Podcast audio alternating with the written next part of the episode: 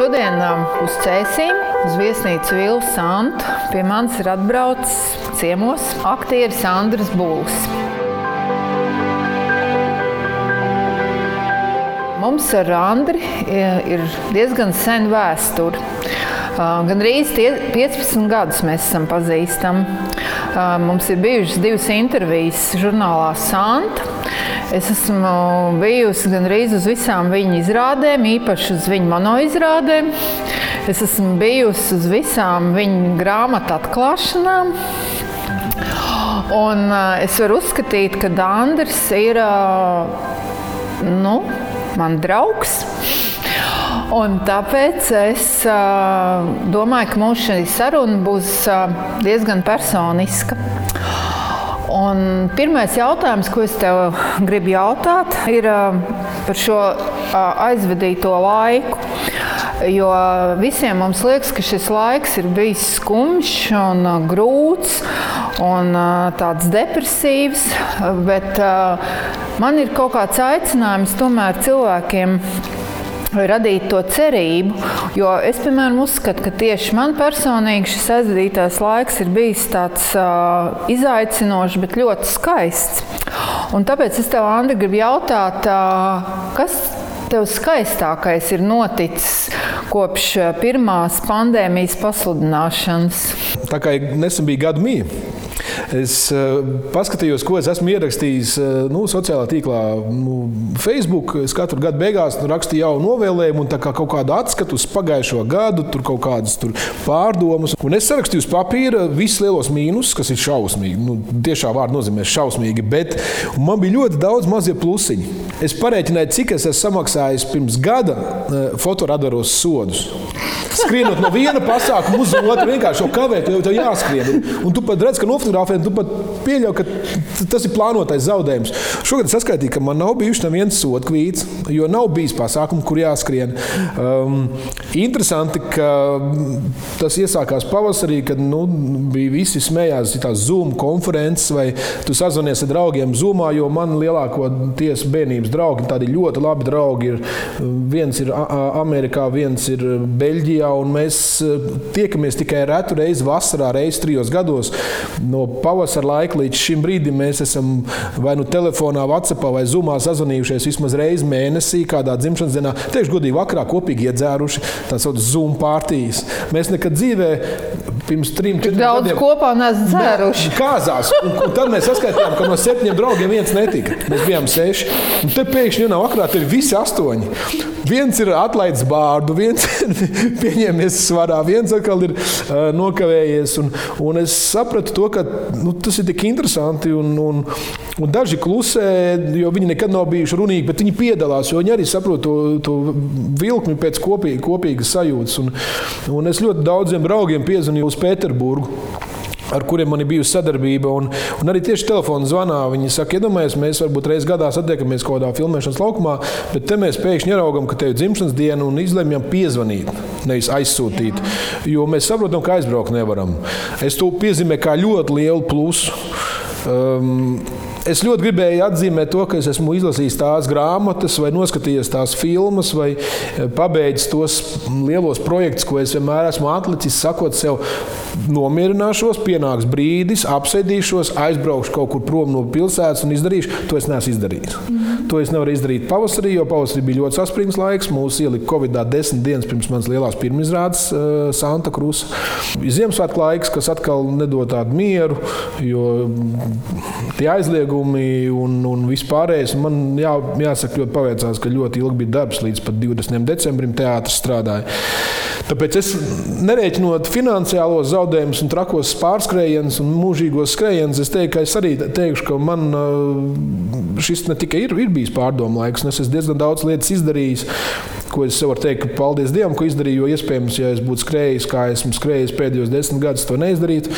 Tāpēc atbildot gal galā uz tā jautājumu. Divas skaistās lietas atceros. Ietaupītā radara naudu un uh, Zoom konferences ar draugiem. Okay, labi, un trešā, nu, vēl trešo, trešā, ne, kā zelta ziltiņai. Trešā zelta ziltiņa, um, un uh, es domāju, tas bija pārbaudījums daudziem pavadīt uh, piespiedu kārtā tik daudz laika kopā ar, ar, ar, ģimeni. ar ģimeni. Nu, Skaidrs.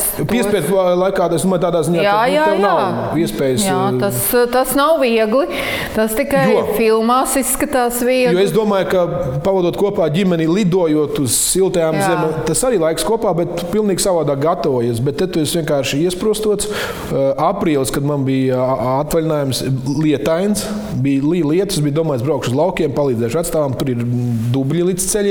Un tas bija laiks, kad vienkārši sadalīju pienākumus, un es pirmo reizi sapratu, ka jādara kaut kādi pienākumi, ar kuriem es dzīvēs vienmēr beidzis esmu. Un Zini, lielākā- kā šī ģimenes tēma īstenībā, es domāju, daudziem aktuāla, lai arī kā mēs izliktos, ka viss ir skaisti un kārtībā. Nu, ko, ko tu esi sapratis, kā var ilgstoši dzīvot kopā ar ģimeni? Kam ir jābūt kādām īpašībām? Teikšu, ka ir paša disciplīnai. Katram savai. Piemēram, laulībā es esmu 15 gadus. Un vienalga, tu kaut kādā brīdī, pa brīdim atklāji kaut ko jaunu.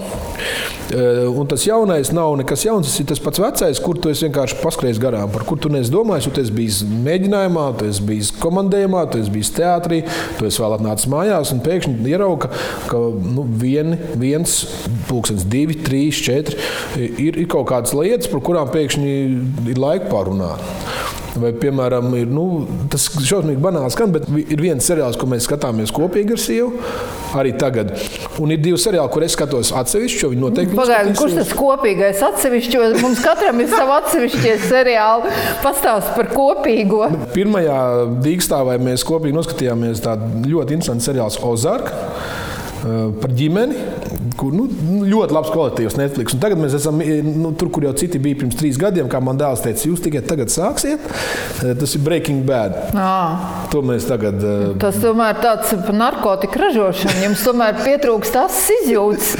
Acīm redzot, bet, No. jā, bet uh, es pieķēru sev pie domas, ka varbūt dažkārt uh, nav pat uh, svarīgi. Kā teicu, tur rāda filmu par to, kā ražo narkotikas. Es Jā. nebiju iedomājies, ka, piemēram, manai sievai tas liksies saistoši. Man liekas, ka tas ir tāds nu, Vīriešu Jā, darīšana. ka viņai liksies kaut ko vajag skatīties, kaut kādas tur, kas tur visādas, tur visādi tie citādi tie seriāli, kurus, pie kuriem es iemiegu. Bet uh, nu, forši izrādās, ka diezgan interesanti kopīgi skatīties. Un, bet tas, protams, nav vienīgais. Ir taču arī citas lietas, ka tu man kā radošam cilvēkam, piemēram, ilgi uzturēties mājās, neko nedarot, tas ir nu, ļoti grūti. Es nevaru, es, es, es, es nevaru, man vajag, vai nu man vajag, man vajag dot uzdevumu. Kā man tagad, piemēram, atsūtīja, man tur jāsagatavo uh, tur apraksts, un tad es sēžu, un tad es atkal jūtos vajadzīgs.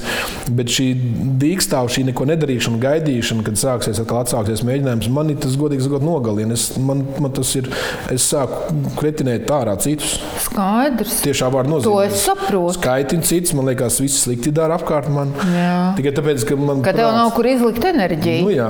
Nu, es skaidrs. drīz būšu nokasījis arī tevi. Skaidrs, mīlēt uz skatuves ir daudz enerģētiskāk nekā ģimenē. To jau mēs zinām. Tas tā varētu būt. To tu dari tūkstotis cilvēkiem priekšā mājās. Jā, neviens nav. neredz. Nu, jā. Suns, kurš skatās, nevar Nu, jā. saprast, kas notiek. Nā, jā.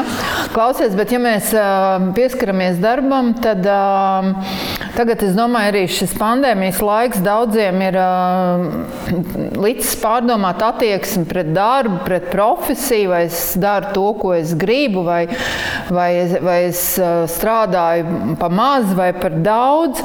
Un tev jau arī tas pirms pandēmijas laiks bija laiks, kad tu aizgāji strādāt nopietnā štatā, Dāvidas teātrī. Un tu līdz tam tomēr ilgus gadus biji pašnodarbinātais. Septiņus gadus. Jā. Jā, un, un tagad atkal man liekas, ka šobrīd tas laiks, kad cilvēki vairāk domā, ka viņi varētu iet prom no algotiem darbiem. Un, vai tu nenožēlo to, ka tu uh, esi algotā darbā Dāvidas teātris štatā?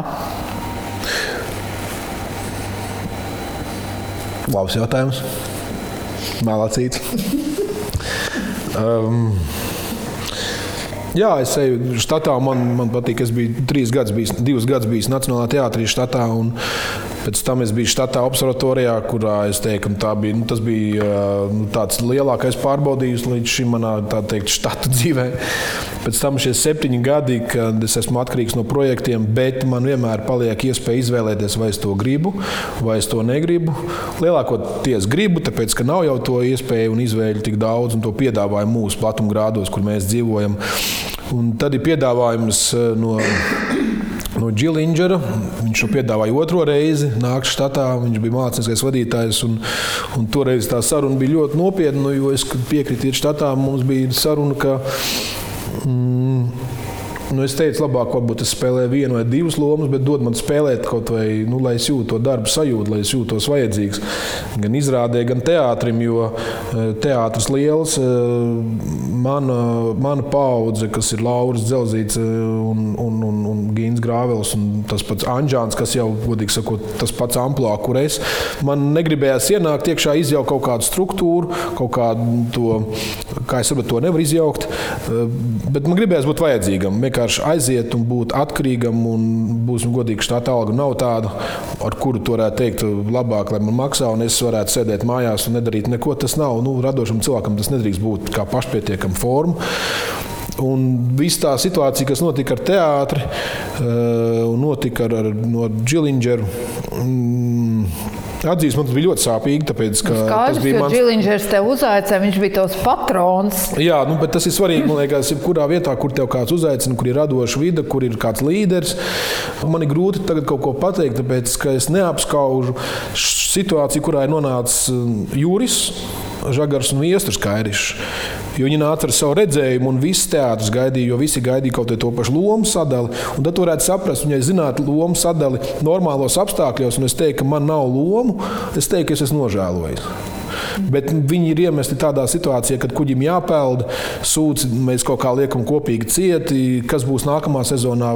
Jūras godīgi saka, mēs nezinām, mums ir plāns, bet plāns var mainīties pēc pusmēneša. Tāpēc es. Bet tev tomēr tagad ir garantēta kaut kāda alga. Jā, tas ir labi. No. Tas ir labi, bet um, tā pašā laikā ir nosacīta kaut kāda ierobežojuma, ko teātris uzskata, kas ir man jāievēro. Um, man ir ļoti daudz, kas jāsaskaņo. Līdz šim visi saskaņojumi bijuši akceptēti, un man nav bijis tā, ka man kaut kas iet garām. Uh, varbūt tāpēc, ka teātris uzskata, ka es to nedrīkst darīt. Bet es saku, šie, kad mēs notiek šī intervija, mums ir ļoti neordināri apstākļi. Man pavasarī bija paredzēts darbs pie Kairīša skrudēdienas silmačos, kas ir pārnesta vēl uz gadu. Tas nozīmē, ka pēc šīs pirmizrādes, kas būs pie Intera, kas nezinu, kad piedzīvos skatītāju klātbūtni. Nu, labi, bet izklausās, ka tev ir daudz piedāvājumu. Gluži pretēji. Nē, nu, kā tur ir kaut kas Kairišam un Santa Krūzā un, Nē, un te mēs Santa Krūza vairs nav izmetam. Tas ir viss, tas ir beidzies. No. Tur vajadzēja būt. Tas ir sāpīgākais martā, kas man bija, kad pirms desmit dienas pirms pirmizrādes kur tu spēlē divas galvenās lomas. Ar, kopā ar Kasparu Dumburu mēs dublējamies pie interesanta iestudējuma. Tas tiek vienkārši, es domāju, ka norakstīts.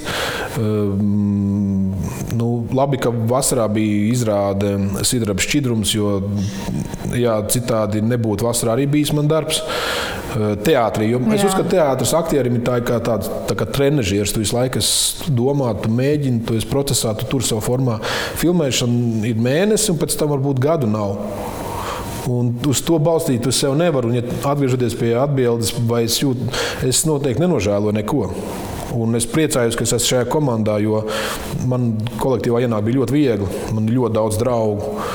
Ja man būtu jānosauc, cik es nu, zinu, pagā, ka katrs aktieris otram ir konkurents. Jā. Bet tajā pašā laikā es, es teikšu, godīgi, tā ir mana varbūt tumsonība, bet, ja man likt nosaukt visus aktierus Nacionālajā teātrī, es jaunos nevaru nosaukt. Jo man, ja es neesmu strādājis, es daudz zinu pēc uzvārdu, bet pēc skatu varu sajaukt. Tad dēls teātrī zināja visus.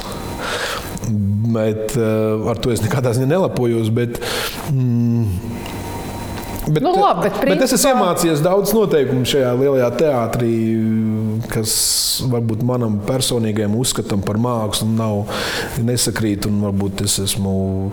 Nu, Visu formu, kā noņēma Džilingers, piemēram, man, es nekad nebiju iedomājies, ka tas var notikt dzīvē, un tas notiek. Mm, jo es to nekad nebiju piedzīvojis, ka tas tā notiek. Vēstures grāmatās lasījis teātris, kultūras akadēmijā, teātris vēsturē par to stāstīja, kā smilģi nometa, kā auškāpa vai kāda cita. Likās, nu, kā tā var būt nu, teātris priekšā. Es esmu piedzīvojis, kā Nacionālā teātris viestura riekus nometa. Nu, vienkārši noņēma skaisti.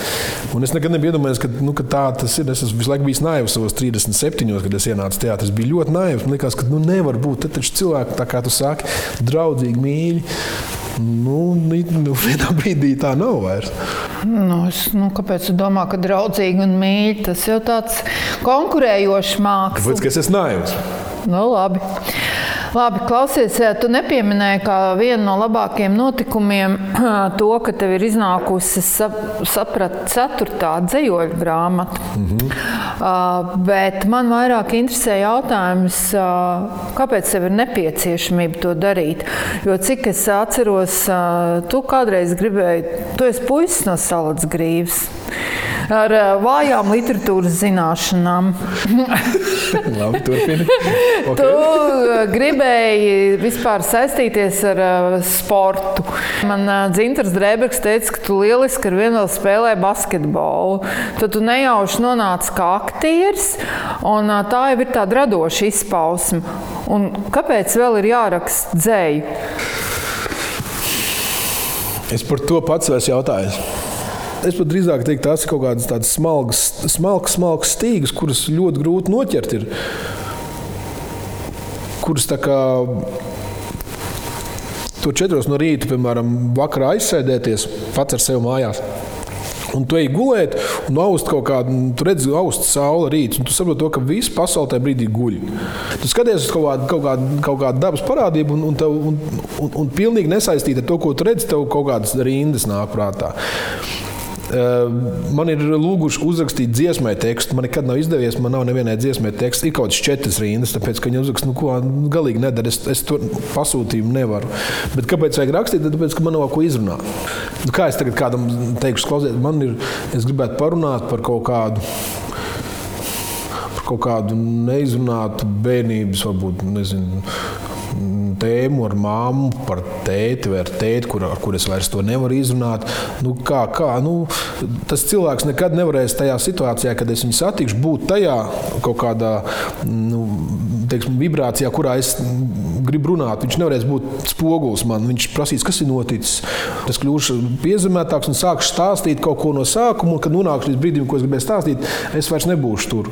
Man vieglāk ir uzrakstīt, tur, piemēram, es atceros, ka man ir divi dzējoļi, viens mammai, viens tētim. Māte, kurš atrāva vaļā mūsu bērnību lādes, tajās caurvējuši svilpoju, kas tam līdzīgs. Nu, ja es kādam pateikšu, es gribu parunāt, jo man ir tāda sajūta, kā man būtu atrauc vienība, un tur ir caurvērš, nu, normāls cilvēks pajautās, tu, ko, ko tu dzēri, vai es nezinu, ko. Man tāpēc vieglāk te uzrakstīt. Tu vari mammai pateikt, ka tev ir caurvērš bērnībā. Es nevaru, tāpēc, ka... Nu, skaidri. Nē, nu, tāpēc tu raksti, ka tu nevari pateikt. Ar tēti es to nekad vairs nepateikšu. Tēta nav, bet man bija jāraksta reizes dzējolis. Man palūdza tētim un mamām portāls tēvu dienā. Viņi gribēja izdot grāmatu, kur ir tikai dzējoļi tēviem. Un, un, un, uh, es rakstīju dzējoļu un raudāju.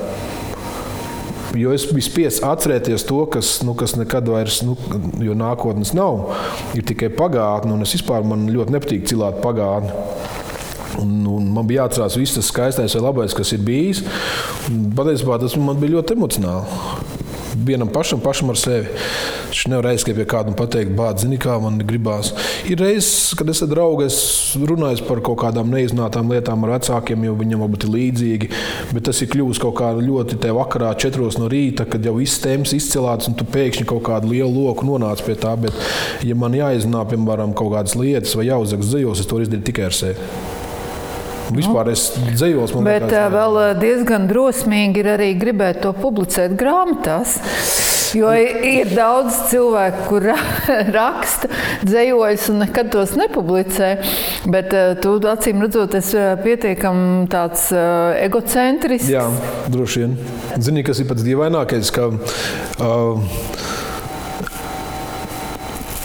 Pa visiem šiem gadiem, man liekas, pirmā grāmata iznāca 2008. gadā ir bijušas kaut kādas četras vēstules vai četras ziņas, kad man cilvēki atrakstījuši tieši man.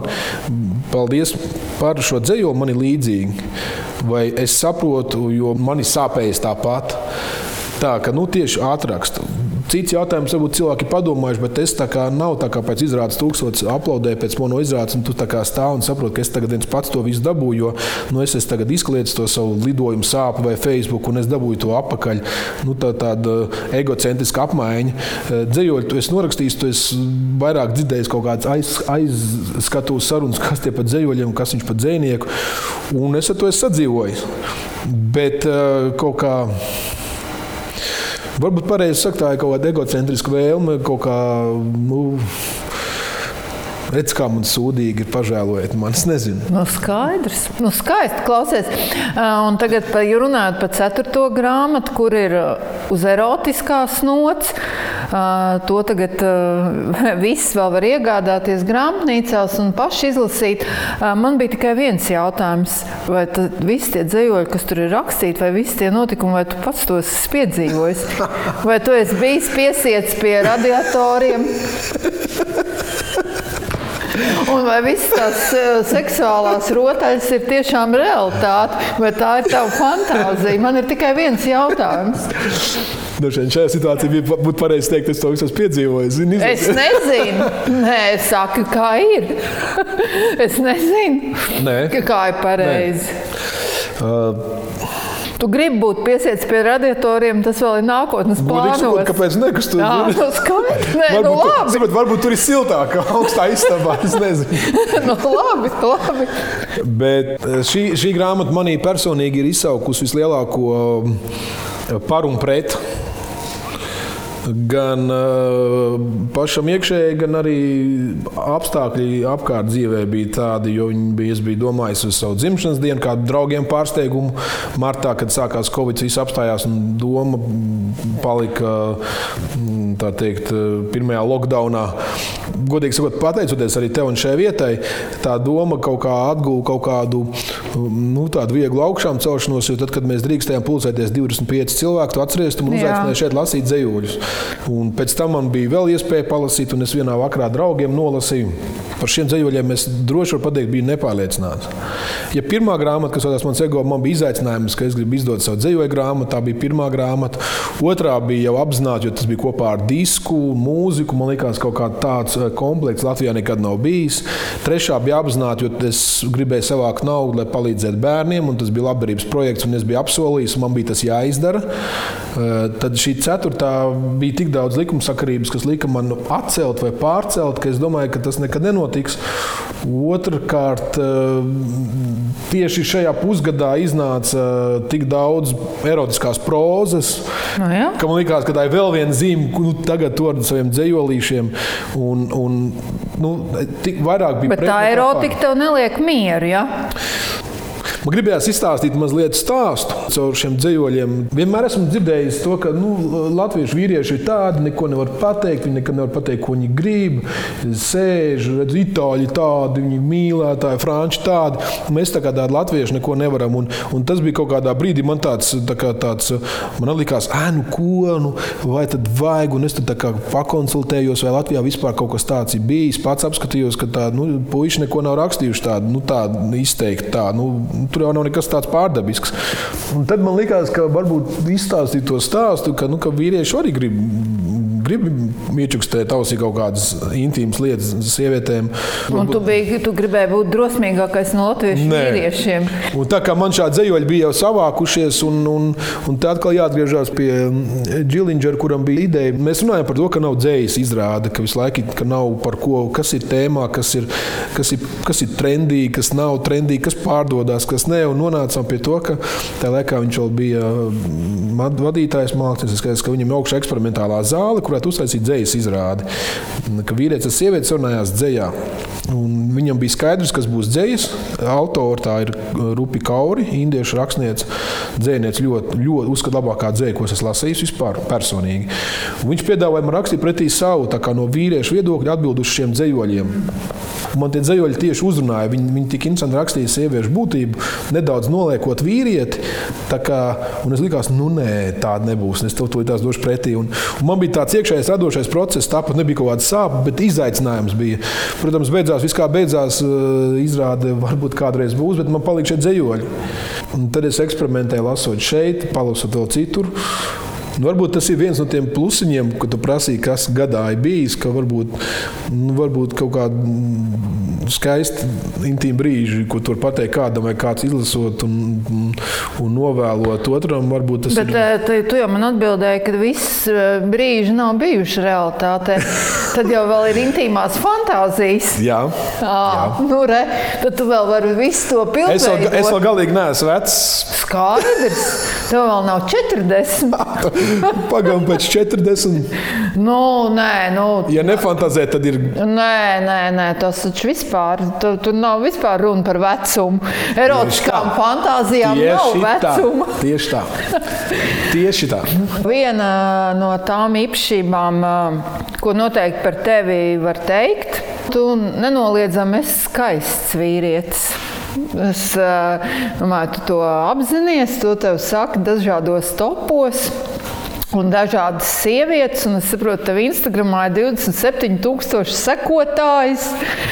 Bet es domāju, ka tev pazīstot, tas tavs spožums un posts. Tāpēc man ir. Nav kāds jautājums būs. Vai viegli būt skaistam? Ja es eh, tādos nogriežos, skatos, un es tam liekas, tev reizi intervijā esmu teicis, ka agrāk es par katru cenu kaut ko gribēju pierādīt. Tad es, nu, tu neesi tikai skaists, jā, bet arī talantīgs. Jā, tad es apvainojos uz kaut kādām lietām par to, ka, nu, redziet, pamanīju tikai to, nepamanu to. Tad, uh, es nekad to neesmu ļaunprātīgi izmantojis. Es atzīstos, ka man ir kaut kādas bijušas priekšrocības kaut ko. Tas, tas man ļoti bieži nostādīs nērtās situācijās. Ir. Jā. Es, es esmu dzirdējis, ko kolēģi runājas muguras par mani. Un, bet es esmu tāds, kāds es esmu. Man ir, man ir tik daudz um, problēmu, par kurām es nevienam nestāstu, nesūdzos. Jā. Ka, ja varbūt es kādam pateiktu, ka kāds cilvēks man teikt, paldies Dievam, ka man nav tā kā tev. Es nevaru par kaut kādām.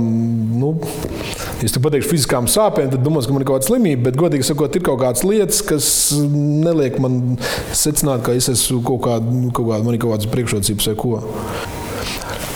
Drīzāk, man, man, man ir harmonija pašam ar sevi.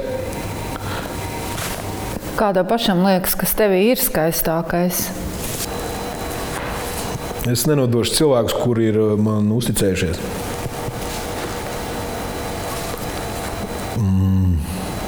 Ja es esmu kaut kādā brīdī viņam solījis, ka es ar tevi iešu kopīgu ceļu, es tagad runāju tikai par savu dzīvi, tad, um, tad nu, es varu godīgi pateikt, ka es varbūt tālāk neiešu kopā ar tevi, bet es aiz muguras neteikšu, ka viņa ir vai viņš ir tāds, tāds es jau īsti negribu. Es to dzīvē piedzīvoju par savu pirmo grāmatu, kad es uh, acīs pateicu, ka es nožēlu, ka es viņu izdevu ka es dabūju kritiku, es nožēloju. Man pašam kauns pret sevi, ka es varēju pateikt to, kā es, es, nu, es nodevu sevi. Es nodevu sevi, nodevu cilvēkus, kuri, kuri motivēja mani.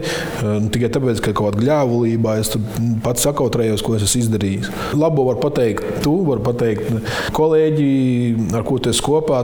Nu, ja, labi, ja es pats pateiktu, kā, kā, kā es pateiktu, kas, kas, kas man ir? Nu, labi, bet nu, kaut kādā ziņā jau tu izvērtēsi sevi arī. Tev jau vairs nav 20. Jā. Tūlīt būs 40. Kā 20 gados tas vieglāk pateikt, kas man ir labs. Es bācu, es varu iet cauri, visu, es varu izsist, es visu varu. Es tūlīt parādīšu pasaulē, kā, kā teica zēns no laukiem, tūlīt iekaros Bankoku. Bet eh, te jau ir drusku, drusku savādāks tā, tās vērtības skala man ir. Tu zini, kur tu esi kļūdījies, tu zini, kur tu esi apstājies, tu zini, ko es dzīvē um, esmu nobijies. Bet tagad man liekas, ka drusku sev slavēt. Man nē, nē, man darīt. patīk. Man, man, man patīk arī šī tava atbilde par nobīšanos. Jā. Un, nu, kas ir tas, ko tu varbūt gribētu mainīt vienu lietu savā dzīvē? Es noteikti gribētu būt drosmīgāks, izvēlēties. Nu, vairāk es esmu nu, uzticēties intuīcijai, mazāk pieslēgt prātu. Es domāju, ka es, es man grūti pateikt, vai es dzīvē no tā būtu ieguvis vai būtu zaudējis, jo man nav bijusi. Es esmu bijis situācijās, kurās es esmu nobremzējis un līdz lietā prātu un teicis, ka nē, pareizāk būtu, nu, kā pareizāk, nu, pēc situācijas rīkoties tā, varbūt vajadzēja vienkārši atlaist roķinu kādā jaunības trakumā, kad es vēl tiešām likās, ka es varu visu. Man šodien pietrūkst drosmes. Man pietrūkst drosmes pateikt cilvēkiem, piemēram, ka es uzskatu, ka tu nedari pareizi. Es uzskatu, tas ir mans personīgais, es esmu noklusējis. Es esmu vienkārši paklusējis. Un es uzskatu, citreiz, kad pateikt savu viedokli, lai ar mani rēķinās, ka es tā uzskatu, būtu godīgāk gan man pret to cilvēku, gan tiem cilvēkiem būtu skaidrāk man nostāja. Es esmu paklusējis, ja tā būtu pareizāk. Nu, kā es tā Nu, tas ir radījis kaut kādu varbūt nenopietnu attieksmi pret mani, vai dažreiz tas varbūt izmainījis situāciju uz to pusi, par kuru es pēc tam varu domāt, bāc, nu, kāpēc, nu, kāpēc es nepateicu, vai, vai kāpēc, kāpēc man nebija stingra nostāja. Es esmu pārāk pareizs brīžiem. Tu esi pārāk labs. Andi. Nu, tas laikam vārds labs, kas man patiesībā dažreiz arī pašam ir pret mani nostāja. No, jā. Zini, kā, kad ir liels brālis blakus, kurš taisa sūdus, tu mācies, un tu kaut kā zini, o, oh, šitien vajag tā, te vajag tā, brālis darīja slikti, bet es biju kopā ar viņu. Mazāk liekas, uzņemās atbildību. Bet, tad, kad tu esi audzis viens un tev vairāk bija tā drīkst, tā nedrīkst, Nu, tu kā... Tev jau arī lielā mērā audzināja vecētiņš ar vecmāmiņu. Tas nu, jā. jau arī ir uh, zināms iemesls, jo, jo, jo tu jau piesavinies vecētiņu un vecmāmiņu labvēlību. Santa viss nāk nu, no skaidrs, nē, nu, to mēs visi zinām, tas nav nekas jauns. Pirms vairākiem gadiem, pirms pieciem laikam, jā, pāršalts visu Latviju, tavs stāsts, uh, tavs romāns ar citu sievieti, esot esot pašam laulībā desmit gadus. Nu, nu. Uh, bet uh, tagad jau viss psihologi saka to, ka nekad tas nenotiek. Uh, nu, nejauši. Un, kad īstenībā bieži vien cilvēks pats tajās, kad viņš, ir, nu, kad viņš nonāk līdz tādai situācijai, viņš kaut ko, ar kaut ko sevī netiek galā. Kā tev liekas, kas bija tajā mirklī ar tevi, kāpēc tas vispār varēja notikt? Bet uh, es nedomāju arī attiecībās ar, ar, ar, ar sievu, bet es domāju attiecībās pašam ar sevi. Mm. Pirmkārt, es noteikti piekrītu, ka, tā, ka tas noteikti ir. Tas ir kaut kāds erors vai kļūda katram pašam sevi. Jo tas nav par spīti kādam vai, vai, vai kaut kāda cita blakus apstākļi. Tas ir. Um... Bet tu kādā intervijā biji teicis, ka, ka vienkārši otra sieviete tev ļoti slavēja un ka tev pašam ir bijuši daudz kompleksu. Pēc tā visu laiku man ir bijuši ļoti daudz brīžu, kur, kurā ir vilšanās vai kaut kādā brīdī kaut kas nav sanācis. Un, un, un, un, Un noteikti bijis tas trauslais ledus manā kaut kādā uh, vertikālē, kurā ļoti bieži ie, ie, ie, nu, ielausties. Jo mūsu var izsist tikai tad, kad mēs esam vāji. Spēcīgi cilvēki tu nenositīs no ceļa. Un, un tas vairs nav, viņš nav vairs darbojies. Kaut kā tie rētaudi neļauj tur iesprāgties. Es atzīstos, jā, ka tā ir. Ka tā droši vien ir bijis šie kompleksi, kas ir radušies konkrētā brīdī, ir tie, ar kuriem es neesmu ticis galā. Varbūt es pat neesmu lūdzis palīdzību, jo es neesmu radis to darīt. Tā ir arī man liela kļūda. Es varēju mierīgi, nu, ja netiku galā ar, ar sevi. Ar sevi varēju iet parunāties pie psihoterapeita. Nu, vienkārši dalīties, dalīties. Es to nedarīju. Es, es iekšēji vainoju citus. Es iekšēji to mm, aku, akats taisīju. Un, un, un, un, un, Un es, es, tās, es tās kļūdas jau pieļauju. Es arī tagad neataisnoju to, ka redz, es, es, es drīzāk jautājums, es no tā esmu mācījies tagad. Nu, nesi. Bet dzīvē vairs nav tieši tāda paša situācija. Skaidrs. Tu Dzīve jau vairs pats neesi tāds pats. Jā, un, un, un um, varbūt caur šādām situācijām mēs kļūstam nedaudz pieauguši. Es ceru. Vai mēs kļūstam drosmīgāki, Antis? Nezinu. Vai mums nav par vienu kompleksu vairāk? Es pieļauju, ka ir. iestudējot kādu izrādi, ja tu ieliec kaut kādu savu problēmu iekšā, ko vienmēr prasa, nu, mēģina atrast problēmu tālā, ka tu no viņa iemācies tikt pats vaļā. Es pieļauju, ka es esmu ticis no kaut kādiem kompleksiem vaļā, bet es varbūt esmu iedzīvojies citos, es nezinu. Jo ir pagājuši pieci gari gadi, un tie gadi nav bijuši vieglāk par pirmiem pieciem vai pirmiem desmit. Vai ir viegli salīmēt, saplēst krūzi? Tas ir atkarīgs no līnijas, kur tu līmē. Jo tu nu, nevari tagad pateikt, izdzēst no piemēram, no sievas apziņas to, ka tas ir bijis. Jo es esmu izdarījis šo soli. Nav tā, ka es tagad esmu modests, tagad es esmu cietējis, tu to izdarīji. Un, saprot, mēs esam mainītās pozīcijās. Es cenšos labot, cenšos dzēst, vai cenšos, lai tas neatkārtotos, lai par to nerunātu. Savukārt, um, milzīgi darbu dara mana sieva, kur cenšas situācijās, kad tas asās situācijās viņai varbūt tas ir uz mēles, viņa to nepasaka. Un vai, vai ir vieglāk, vai to var izdarīt? Un to nu, mēs vēl redzēsim. Pagaidām, kaut kāds atskaites punkts. Kad, Nē, kad... nu kā, nu, pagaidām, tu neesi vēl dzīvi nodzīvojis. To jau mēs vēl redzēsim. Jā, tāpēc. Tomēr, um, es domāju, šo jautājumu, vai var salīmēt saplēst krūzi, visdro, visdrošāk mēs varēsim, ja mēs satiksimies tavos 70 gados. Nu, Tepat es ceru, tavā stikla zvērnīcā. vai man būs nolausts viena redzes vai nebūs? Viljams, klausies, nu, bet uh, mūsu saruna būs arī tādās um, Valentīna dienas noskaņās. Droši vien tuvosies, nezinu, kā šogad tā tiks svinēta, bet nu, divu vientulība jau vēl nav aizliegta. Uh, tagad ar visu to, ko tu zini, un to, ko tu raksti, un pēc tā, ko tu ilgojies, uh, Nu, tu esi atbildējis, kas ir mīlestība. Um, man reiz mēs runājām ar, ar bērnības draugu par šo lietu. Mēs spriedām, ir, nav, kas ir kaut kādas kvalitātes un kas nav. Un, un mēs nonācām pie, mēs ņemām piemērus no, no draugu, citu draugu pieredzes. Un, un nonācām pie līdzīga slēdziena, ka es esmu veiksmīgi varu atzīties, ka es, Santa, no? neesmu noformulējis. es pateicu sev tā vienreiz, ka ja es, nu, tas skanēs šausmīgi, šobrīd cīniski. Bet, eh, ja tu man uz nāves gultas brīdi pirms es aizveru acis, pajautās, vai es zinu, kas ir mīlestība, es tev atbildēšu. Tāpēc, ka tad es varēšu pateikt par savu dzīvi. No nu jā, jo man būs atskaites punkts no brīža, kad es apzinos, un līdz brīdim, kad es. Eh, jo pateikt, tagad es domāju, ka varbūt es pēc pusmēneša domāšu, Jā. pilnīgs, pilnīgs. Es skatos romantisku filmu, es raudu, man liekas, ka tā ir ideālā mīlestība. Tāpēc, tas darbojās uz mani, tas darbojās uz visiem.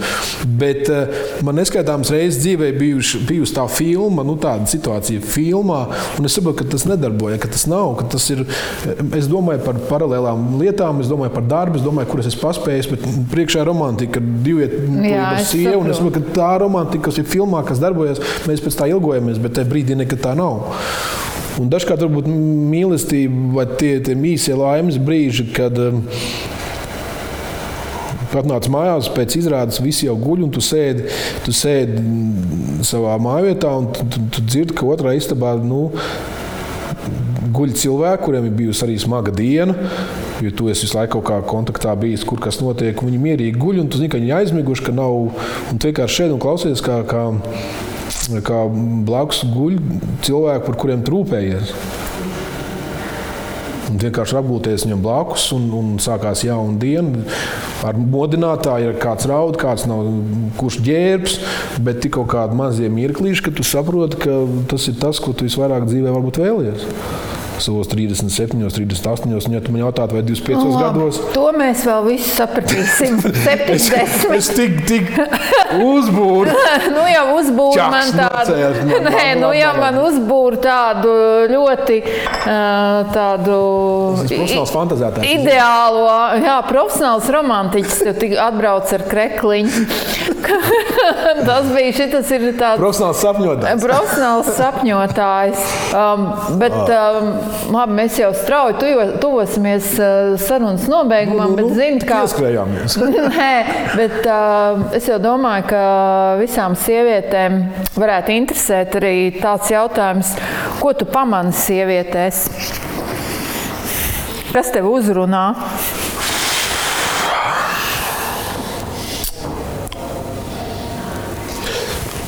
Te es tev jautāšu pretī. No?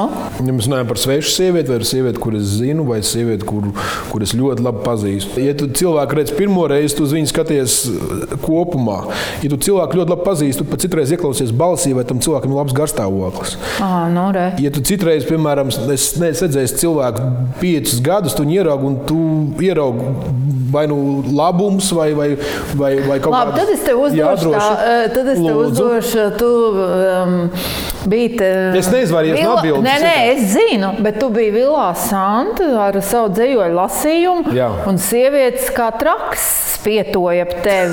Uh, it īpaši tad, kad tu uh, beidz lasīt, un tad viņi skrēja un gribēja, lai tu viņām uzrakst kaut ko uz lapiņām, un, un jums bija tur tāda enerģijas apmaiņa, uh, ka prieks skatīties. Uh, un tad es domāju, no tā pūļa tu jau kādu pamani vairāk. Tad es tev jautāšu, kuru sievieti no pūļa tu pamani?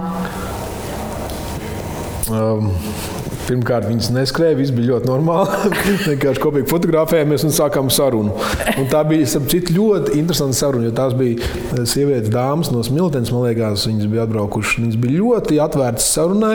Viņas bija ļoti, protams, emocionāli pārsteigtas, un tur varbūt arī bija nedaudz vīna klāta. Bet es pateikšu, tas ir labs, jo es šajā reizē lasot šos dzējoļus, un vispār pēc tam, kad es esmu lasījis pirms grāmatas izdošanas, es ļoti uzmanīgi vēroju publiku. Ja es redzu, ka kļūst garlaicīgi, es speciāli vienu dzējoli pateicu, tagad vēl jums.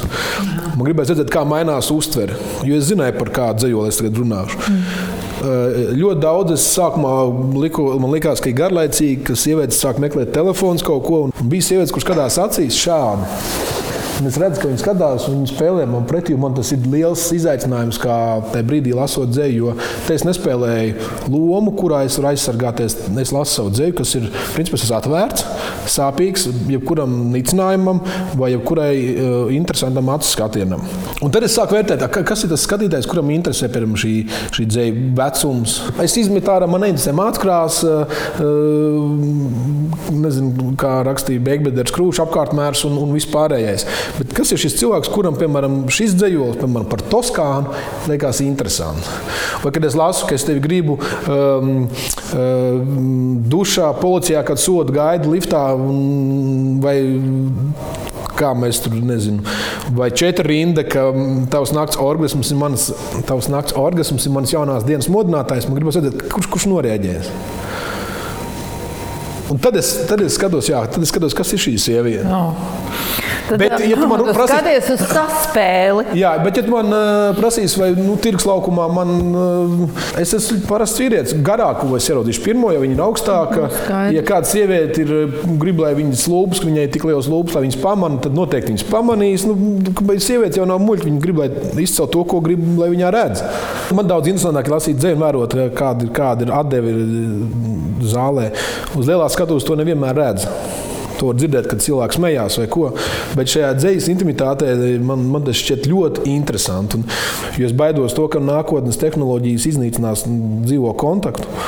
Un es tā kā pēdējais mohikāns cīnīšos, lai būtu dzīslas vakari pie vīna glāzes. Un mēs Un varētu saspēle ar sievietēm. saspēlēt sievietēm. Un, un, un, un kas ir skaistākais pēc tās tikšanās šeit, kad mēs fotografējamies, viņas atvadījās, un, un viena pienāca klāt un teica, vēl vajag uzrakstīt par to un to un to. Vai man vajag piesarkt, un es saprotu, ka nav bijis galīgi garām. Labi, Andri, mēs esam nonākuši līdz pēdējam jautājumam. Vai tu zini, kāds ir tavs uzdevums šajā dzīvē? Šī ir grūtākā intervija, kas man ir bijusi. Nu, saņemies! Ko citu, lai es tev saku? Par to es domājis bieži. Un, um, tad, kad es esmu līdz cilvēkiem, manas dēļ ciest, Es par to nekad neesmu domājis, kad manas dēļ cilvēki priecājās, ja nāku apkārt. Viņi saka, tas bija super, paldies, un tev izdevās pārsteigt vai palīdzēt. Bet par to es esmu domājis, kāds ir mans šis uzdevums vien visbiežāk līdz šim. Kad droši vien laikam es neesmu nu, attaisnojis kaut kādas savas cerības. Tad, kāpēc es esmu šeit? Nu, tas, tas nav tāds uz kraujas malas, rudz laukā likt lejā, tagad, tāpēc, ka es kaut ko ne, neesmu izdarījis. Bet, eh, bet varbūt no otras puses tas ir mans motivējošais spēks, ka es vēl neesmu izdarījis droši vien to uzdevumu, jo man nav gandarījums, ka es varētu teikt, nu, es esmu nospēlējis savu galveno lomu, es esmu izdarījis maksimālo nezinu, ģimenes dzīvē, es esmu izdarījis maksimālo valsts labā, nu, kaut kā vai pasaulē. Es to neesmu, es godīgi pasaku, es to neesmu izdarījis. Man ir mērķis, kas tas ir, es nezinu. To es arī zināšu, varbūt, kad mums būs trīs lietas jāzina, kad mēs būsim 70 gados. Santa. Vai es zinu, kas ir mīlestība, vai es esmu salīmējis aplēsto krūzi, un vai es esmu izdarījis savu uzdevumu. Paldies, jo, ja... bez, bez variantiem jau bija. Paldies, kurš beidzam. Šis būs mans stils.